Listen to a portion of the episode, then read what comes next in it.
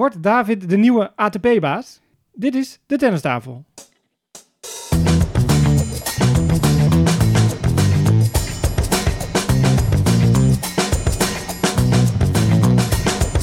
Please take your seats quickly, ladies and gentlemen. Thank you.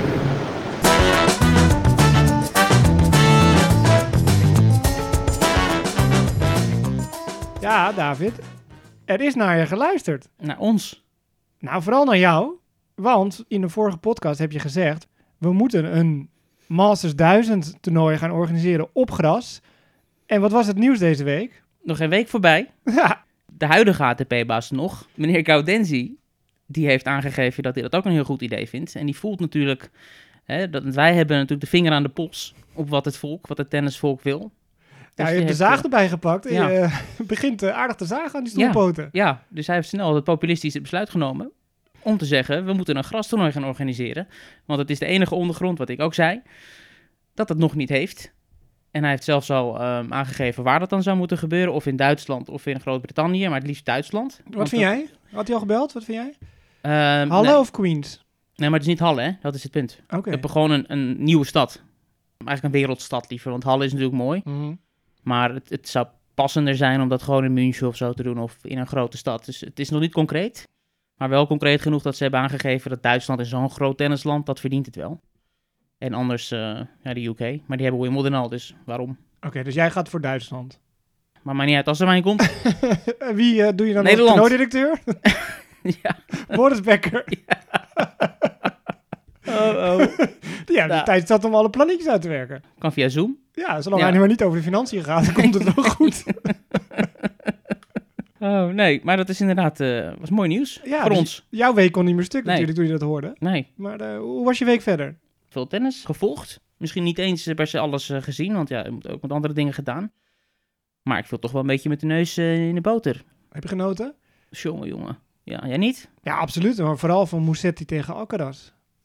Finale van Hamburg. Ja. Ja, dat was, dat was de toekomst aan het werk. Maar eigenlijk is de toekomst nu.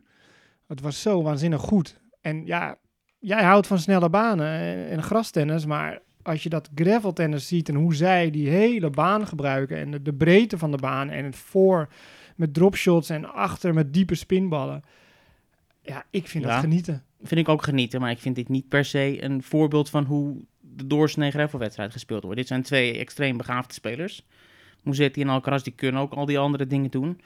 En je hebt ook heel veel spelers die hebben niet zo heel veel in huis, maar die kunnen toch goed op gravel spelen, omdat ze gewoon een ijzeren discipline hebben of uithoudingsvermogen en dat soort dingen. Eh, nee, maar er zijn natuurlijk minder begaafde spelers die op gras kunnen winnen. Hoeft niet. Laten we het hebben over deze jongens. Musetti won van Alcaraz in de derde set. Had het in twee sets kunnen afmaken. Mist toch wel vijf matchpoints volgens Ja. mij in die tweede set. Maar goed, wat een verhaal. Hij kwam aan daar in Hamburg zonder bagage. Hij was ziek. Overgegeven geloof ik.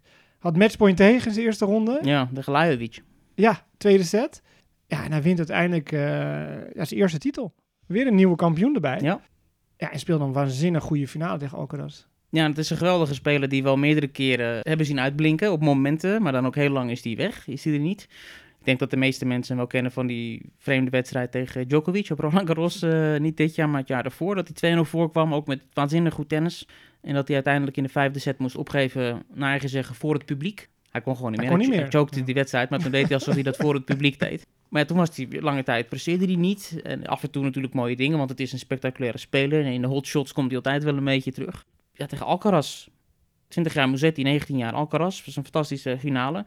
Dat matchpoint eh, dus tegen Alcaraz, waar hij er vijf van verspeelde. En ook niet alleen tegen Lajovic.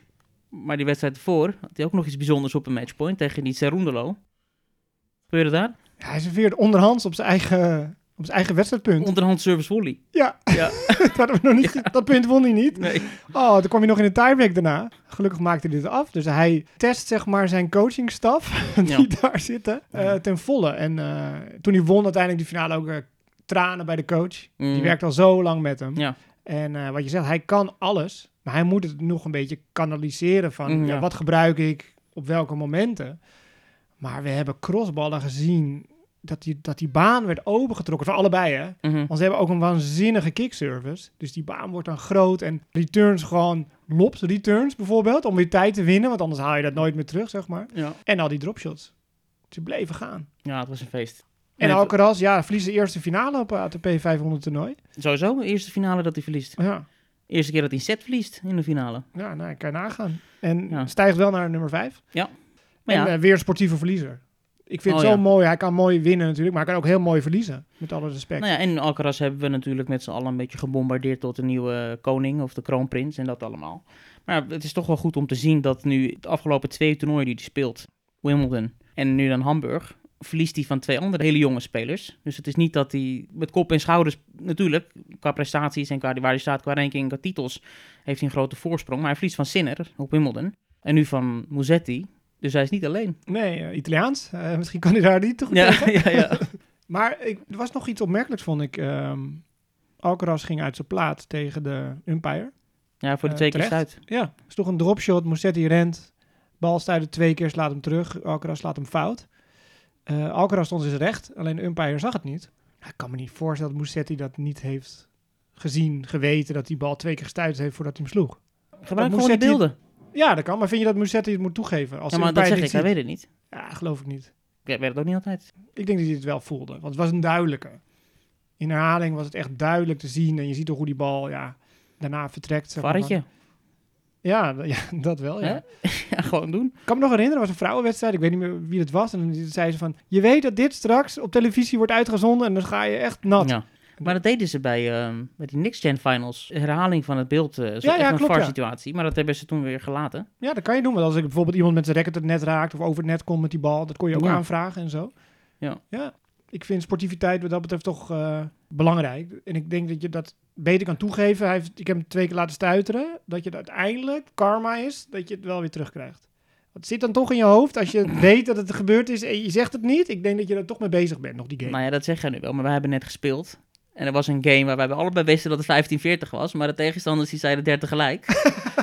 en toen zeiden wij allebei, nou, je hebt gelijk, het is 15-40. ja, ja. Dat was goed. Jij, ik zag het aan. Jij wist ook dat, we dat we achter nee, dat wist ik echt niet. Nou, Nee, echt niet. Nou. Nee, zo ben ik niet. oké. nou Dat ja, ben ik echt niet. karma. We hebben verloren 3-0. Ja, precies. Hadden we moeten toegeven.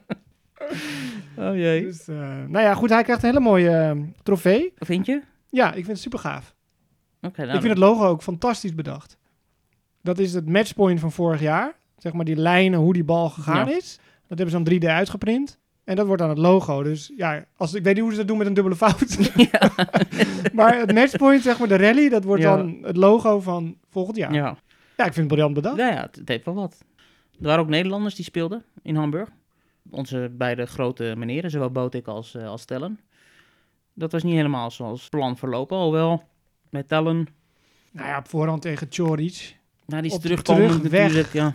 Ja, zo'n matige Het wedstrijd. begon heel goed. Ja. Het begon echt, ik dacht hij is de betere van de twee. En dat vertrouwen wat hij had van die challenger die hij had gewonnen. Het leek alsof hij echt in een flow zat. Maar hij had volgens mij in meerdere games aan het begin van die wedstrijd breekkansen. Kon hij doordrukken, deed hij niet. En ineens stond hij 5-2 achter. En toen liep hij een beetje achter de feiten aan. Ja, hij kan het spel dan toch niet nog helemaal omdraaien of zo, heb ik het gevoel. Weet je, als hij goed speelt, speelt hij echt heel goed. Mhm. Maar als het dan moeilijk gaat en zo, dan, ja, ik weet het niet. Dat is ook jammer, want hij had de wedstrijd ervoor had heel goed gewonnen van die, eh, van die Roenen. Ja, was goed. Nou, jammer. Ja, dan op eh, 500 niveau, je, dan, dan Ja, dat tikken die wel. punten natuurlijk heel erg aan. Ja. Als je dan de kwartfinale weet te halen of tweede ronde, dat scheelt Ja. nogal. Ehm, ja, nee, zonde. Ja, en Botek, ja, tegen Davidovic Fokina. Ja. Nou, dat was Speelde tijdens onze opname vorige week. Ja. Ja, kan je van verliezen, vind ik. Die jongen kan heel goed spelen en kan heel minder spelen. Dat hebben we ook gezien op Queens. Hè, de ene dag was hij fantastisch en de volgende dag sloeg hij al het hek in. Nou, was zonde. Je hoopt toch dat Botik... eh hij moet gewoon een keer even een titeltje winnen, vind ik. Ja, de, de verwachtingen zijn er Ja. gewoon steeds. In ieder geval niet dat hij eerste ronde verliest, weet je. Ja. Maar als je dan ja, zo midden 20 staat, dat je overal wel kwartfinale haalt. Nou ja, goed, nieuwe ronde, nieuwe kansen. Er komen weer een hoop toernooien aan waar ze allebei gaan spelen. Ehm, de dames deden ook mee in Hamburg. Ehm, Nou, deden ook mee. Het Wordt- gewoon een apart toernooi. nee, maar dat was niet gebruikelijk. Ah, dat bedoel je, dat is ja, een combi-toernooi. Dat was een combi-toernooi. En normaal gesproken, althans de voorgaande jaren, was het altijd alleen eh, mannen. Ja, nee, klopt. Maar het zijn twee aparte toernooien. Ja. Het is niet dat ze meedoen. ze hebben gewoon hun eigen toernooi. ja, Ja, laat ik die twitteraars even voor zijn. ik corrigeer David nu bij deze. Wat gebeurde er dan? Bernarda Pera won. Alweer? Tweede toernooi op rij. Dit is de Haddad Maya van het uh, greffelseizoen. Ja, nee, uh, knap.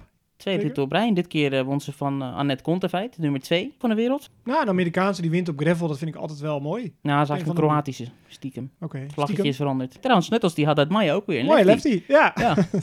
ik vind het altijd leuk als linkshandige spelers het goed doen. ja. Ja, dat, ik vind het toch wel mooi altijd, lefties. Hoezo dan? Nou, omdat het gewoon zo bijzonder is. Toch een ander, ander type spel. Het meest frustrerende vind ik linkshandige spelers die hun linkshandigheid niet gebruiken. Hoe, hoe dan? Je hebt een duidelijk voordeel, toch? als Robin Hazen, die gebruikt links, linkshandigheid niet. Nee, maar ik denk dat, eh, dat de luisteraar wel weet wat ik bedoel. Als linkshandige heb je een bepaald voordeel met bepaalde spins en met een bepaalde hoek. Kan je, kan je een soort voordeel halen ten opzichte van rechtshandige tegenstanders. Maar sommigen die spelen zo recht toe recht aan. Dat je eigenlijk dat voordeel totaal niet hebt of zo. Je moet toch die hoeken maken. Je moet toch mensen buiten de baan zetten aan de backhandkant. Maar ja, Ik heb dat nooit begrepen waarom een rechtshandige dat dan moeilijker vindt dan een linkshandige. Nou, ik denk dat het meer is de bijzonderheid. Omdat rechtshandigen zo zelden tegen linkshandigen spelen. Ja. Is het gewoon elke keer weer een aanpassing. Terwijl linkshandigen die spelen dag in dag uit tegen rechtshandigen. ja, dus die gooien die, die service, zeg maar Jan Siemering gooide hem volle bak op links naar buiten, Mm. omdat daar de backhand zit. En een rechtshandige doet het op rechts niet, omdat hij vaker tegen rechtshandigen speelt en daar zit de voorhand. Nou, maar je kan het wel doen, alleen die linkshandige die is er zo op getraind, omdat hij de hele dag tegen rechtshandigen speelt. Ja. En linkshandigen zijn gewoon ja, een zeldzaam soort. Ehm, dat was Hamburg dan. Mhm. Meer gravel. Staat, Ja. staat als een huis. Kasper Ruud, ja. de vloer is voor jou. Nou, koning eh, ATP 250 op gravel is even toegeslagen. Hij heeft negen toernooien gewonnen nu, waarvan acht ATP 250 toernooitjes op gravel. Het is constant. Ra- razend knap natuurlijk, maar het, het is voor iemand van zijn ranking of zo. Natuurlijk, hij heeft Roland Garros finale gehaald, dus we kunnen moeilijk meer zeggen dat hij niet presteert op grote toernooien. Ja, en hij won van Berrettini. Hij won van. Berrettini. Hallo. Maar dat is toch ook niet een, een gravel eh, gigant? Nee, daar heb je gelijk in. Maar ja, ik denk dat top 10 speler, dan, dan moet je misschien wegblijven bij die 250's nu. En het gaan doen constant op 500 niveau Ja. minimaal. Ja, dat was toen Kyrgios er een paar jaar geleden nog een punt van maakte. Die zei, ja, die Casper Ruud, eh, kijk nog liever naar, de, naar verf dat uh, opdroogt dan naar Casper Ruud. Die allemaal een soort van, niet, niet zozeer rankingvervals of competitievervalsing door alleen maar die, die kleine toernooitjes te spelen waarin die verreweg de beter is. Was hij niet zo van onder de indruk. Maar waarom zou hij dan kiezen voor Staat en niet voor Hamburg? Staat 250 toernooi en Hamburg 500 toernooi. Ja, startgeld. Ja. Denk ik. Gewoon een deal met de organisatie. Hij speelt graag in Zwitserland, dat is wel een ding. Hij heeft nog nooit verloren in Zwitserland, sterker nog. Hij heeft nu twee jaar op rij Genève gewonnen en twee jaar op rij staat. Misschien dat hij een soort uh, liefde heeft voor Zwitserland. Dat zei hij ook hè, in de prijsuitreiking. Doet me veel denken uh, in Zwitserland aan uh, Noorwegen, behalve dat je in uh, Noorwegen veel meer belasting moet betalen. ja, dat was toch wel, was toch wel een mooi moment. Ja, dan Ja. noemen de grootheden natuurlijk Roger Federer en Stan Wawrinka. En Mhm. dan vergeet hij Martine Hingis, vind ik dan. Dat Zwitserland is echt een tennisland en eh Ja, maar dat doen die mannen betekent nooit. en zo. Nou ja, Die mannen gaan nooit een vrouw erbij halen. doe ik dan bij deze. Ja. Ik bedoel, Hingis was, is natuurlijk een grootheid. Ja, absoluut. Maar dat gebeurt nooit als je een, als je een ATP-speler vraagt... of als die iets moet zeggen over een oude legend of zo. Dat Nou, in vrouw- Murray, in de Murray wil ik wel graag... eh, ja. En dat vind ik ook heerlijk aan om te benoemen Ja, ja, natuurlijk, hè? ja, ja. Want dan noemt hij altijd Serena natuurlijk erbij als goat. En, Ja, eh, ja, ja. ja. Ja. als coach. Berrettini had natuurlijk geen Wimbledon gespeeld. Hij kwam weer terug. Hij was ongeslagen een lange tijd, want hij had twee toernooien gewonnen. Stuttgart en Queens. Ook Ja, finale corona. zat. Dus de eerste, corona, eh, ja. Eerste toernooi na corona. Knap. Ja, goed resultaat voor hem. Ja. Ook op gravel dus. Zo, die, als je die serve wil. Ik sta ligt denk ik op hoogte. Het ging wel snel. Oh, die dat gaat hard, jongen. Ja. ja, wie ook die hoogte wel lekker vindt, is natuurlijk Robin Hazen. Haalde de finale in het dubbelspel daar met Philip Oswald. Mhm. Floor, helaas. Eh moeten we even terug zeggen, ook nog dat Hamburg hadden we ook een Nederlander in de finale. Maar Wat twee. twee. Samen met eh Rohan Bopanna. Mhm. Verloor ook helaas de eindstrijd. Ja. Wat succesjes. Zowel Ruud als Berrettini zouden kiesboer gaan spelen. Allebei afgemeld. Waardoor dat hele schema in elkaar Ja. is gedonderd. Na de loting. Ja. Nou, lekker vertellen. Lekker vertellen, ja. Die staat nu helemaal onderin. Op de tweede plek. Maar als nummer, ik weet het Vijf niet. of zes. Ja, en een bye. En een bye. Op het is het laatste toernooi op gravel. Ook op hoogte. Mooi toernooi. Trouwens, wat Haas in de enkel natuurlijk gewonnen heeft. In het verleden. Twee keer achter elkaar. Twee keer zelfs. Dan hadden we nog een toernooi in Palermo. Damestoernooi. Dat werd gewonnen door Begu. En dat is op zich niet de meest aansprekende naam. Maar dat is een speelster die al meerdere WTA-titels had gewonnen. Dit was eh, nummer vijf. En ik vind dat een hele leuke speler. Die niet? Ze wonnen al een paar rondes op Roland Garros dit jaar. Ja, ja, vierde Vierde ronde ronde of of zo. Ja, eruit. toen zat ik die wedstrijd te kijken. Ja, dat was best wel leuk, ja. Ja, het is nogmaals Ja. niet de meest tot de verbeelding sprekende tennisser, maar het is toch iemand die vijf titels al op de naam heeft staan. Won van eh Bronzetti. Dat is ook niet het grootste toernooi wat er is. Dat was het echte ATP en WTA tennis. Er werd wel nog meer gespeeld met Swiatek.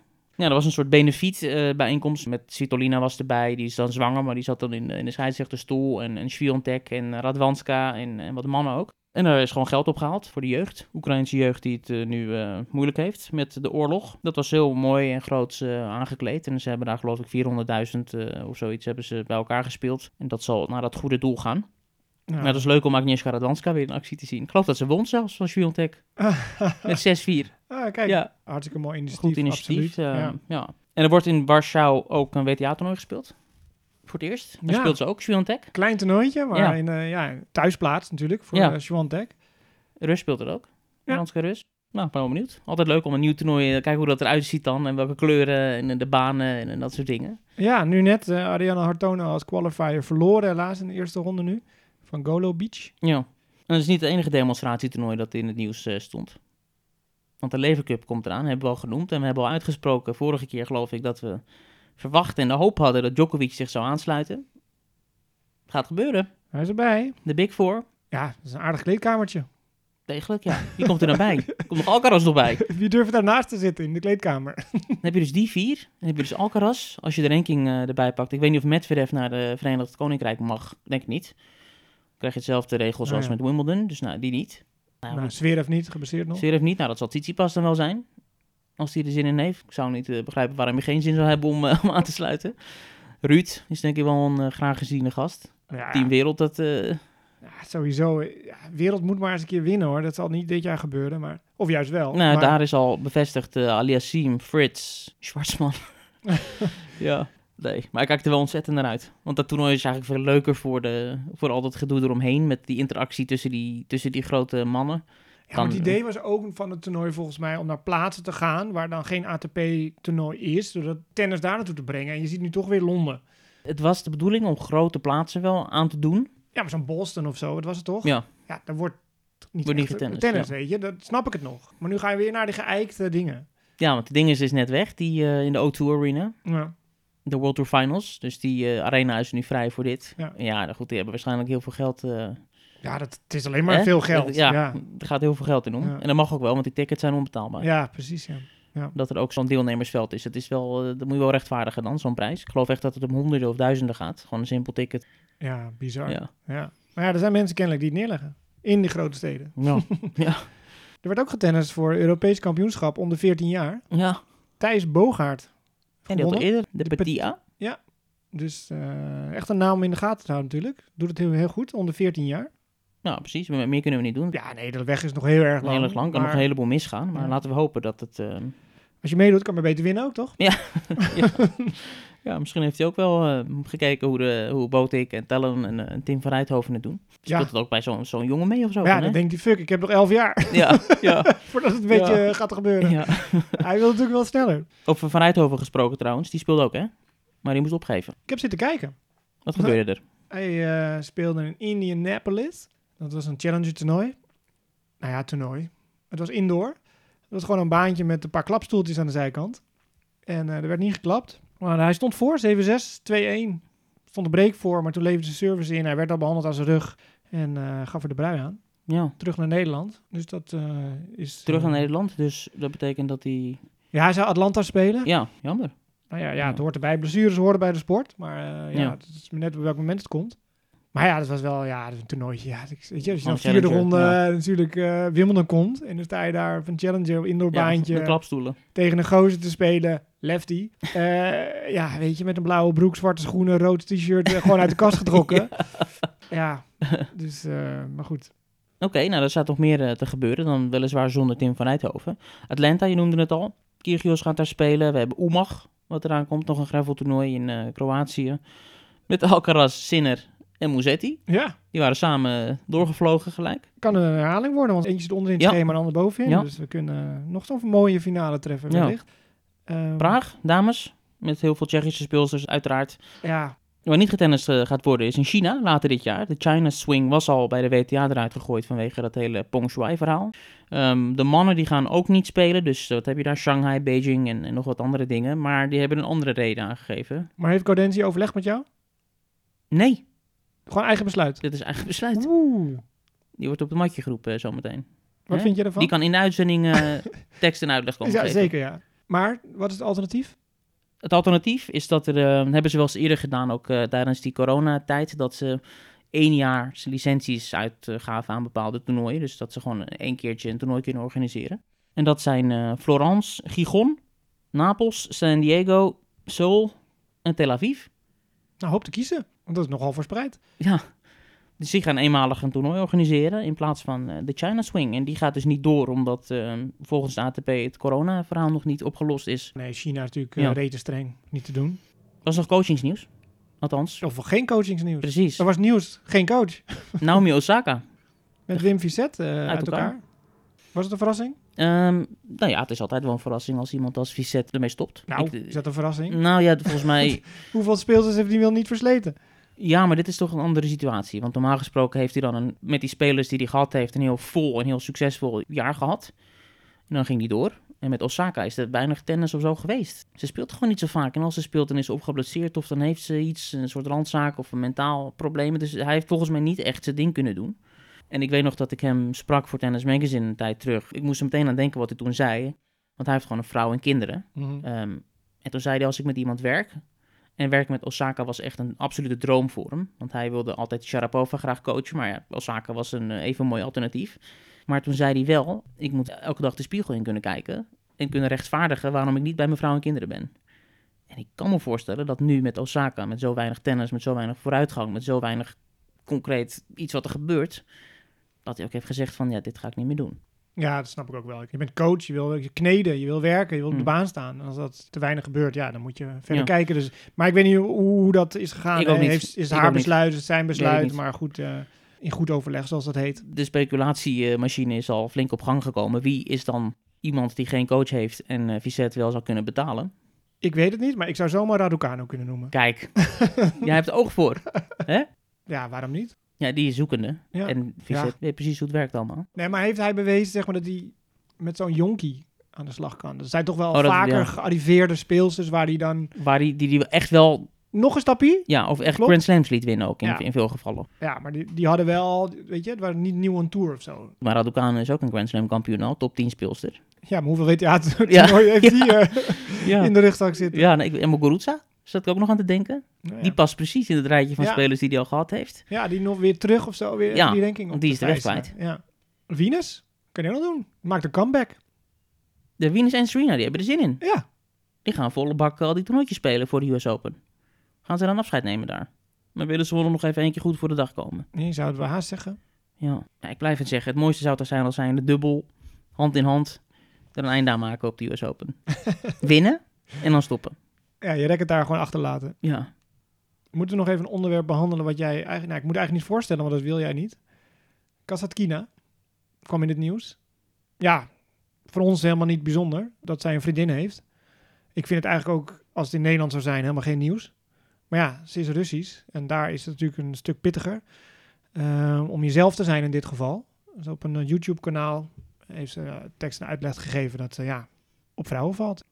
Verder geen nieuws voor ons, maar voor haar wel moeilijk om terug te gaan misschien nu naar... Ja, ze gaf Rusland. aan dat het lastig is daarom om dat vrijelijk eh, te kunnen doen. En het ging om hand in hand op straat lopen en zo. En dat dat niet normaal is daar. Ja, dat is zo. Ja, Ja, ik kwam nog een bericht tegen van een Nederlandse ex-speelster. Die is overleden. Ellie Appel heet ze tegenwoordig. Maar toen ze speelde, had ze een andere naam. Ja, Ehm. ook, maar ook wel Appel. Komt door de tijd van Betty Steuven. Mm. Ze was, naar eigen zeggen, te vriendelijk voor de topsport. Wat Betty Steuven, ook een vriendelijke vrouw, maar iets meer medogeloos op de baan. En, Ja. en technisch was ze heel goed. Heeft wat eh, in het dubbelspel, in een mixdubbel wel goede resultaten ook op de slams gehaald. Niet gewonnen, maar wel halve finale en zo. Ja, triest verhaal. Heeft een eh, einde aan haar eigen leven gemaakt. Woonde in de Verenigde Staten. En ik las wel dat haar hoogtepunt, inderdaad, in, in aanvulling op wat je zei, was dat ze met Borg, geloof ik, een eh, titel had gewonnen in Bastad. Ja, In de mix. En Ja. ze had een keer van Martina Navratilova gewonnen. Dus ja, om aan te geven dat Nee, hij wel een ja, speelster van niveau is. En bijna top 30 gehaald. Ja, klopt. En eh, speelde ook, eh, zeg maar, eh, wereldkampioenschappen veteranen en zo. Dus eh het is het einde. Maar ja, we willen jullie ook niet zo achterlaten in Nee, deze dus, dus, sfeer. Dus, dus laten we een beetje vooruitblikken op wat wij gaan doen dan. Jij vroeg aan mij wat hoe mijn week was. Dan ga ik aan jou vragen hoe jouw komende week gaat zijn. nou, genieten van de laatste gravel-toernooitjes. Kijk echt naar uit. Hè. Ik zit echt met veel plezier op mijn flatscreen te kijken naar die gravel-toernooien. Ik zit zelf te kijken van, zou ik nog even naar Kietsbuur rijden? Oh, Want ik ga naar Italië met de auto straks. Mhm. Nou, ik kan het je aanraden. Ik ben daar met ABA geweest een keer. Niet naar het toernooi, maar dat was een Davis Cup ontmoeting. Oostenrijk-Nederland. Met team met die blonde haren toen nog, geblondeerd. 2015, zeg ik uit mijn hoofd. Fantastisch. Ja, mooi. Echt, echt geweldig mooi. Ja, die omgeving en die bergen, het is, het is geweldig. Als je gaat, eh, ga je genieten. Maar ik ga niet. ik heb nog gekeken, het is om. Non-nieuws. Non-nieuws. Eindigen we met non-nieuws? Eh, Nee, maar we gaan elkaar niet meer zien, denk ik. De volgende opname zal niet in persoon zijn. nee, want jij gaat zeker. Ik ga zeker, vrijdag. Accreditaties binnen. Alles is binnen. Vrijdag eh, Washington, eh, Montreal en daarna Cincinnati. Dus je gaat daar nog even eh, de boel op de kaart zetten in Ja. Washington. Even die president gedoe allemaal aanpakken. Ja, je kan nu alles doen. Ja. Carte blanche. Ja. Over drie weken ziet de hele tenniswereld er anders uit. Nou, dus we hebben vanaf volgende week de tennistable. ja, ja, ja. Ik wens jou een goede reis. Ik wil iedereen bedanken voor het luisteren. En tot volgende week.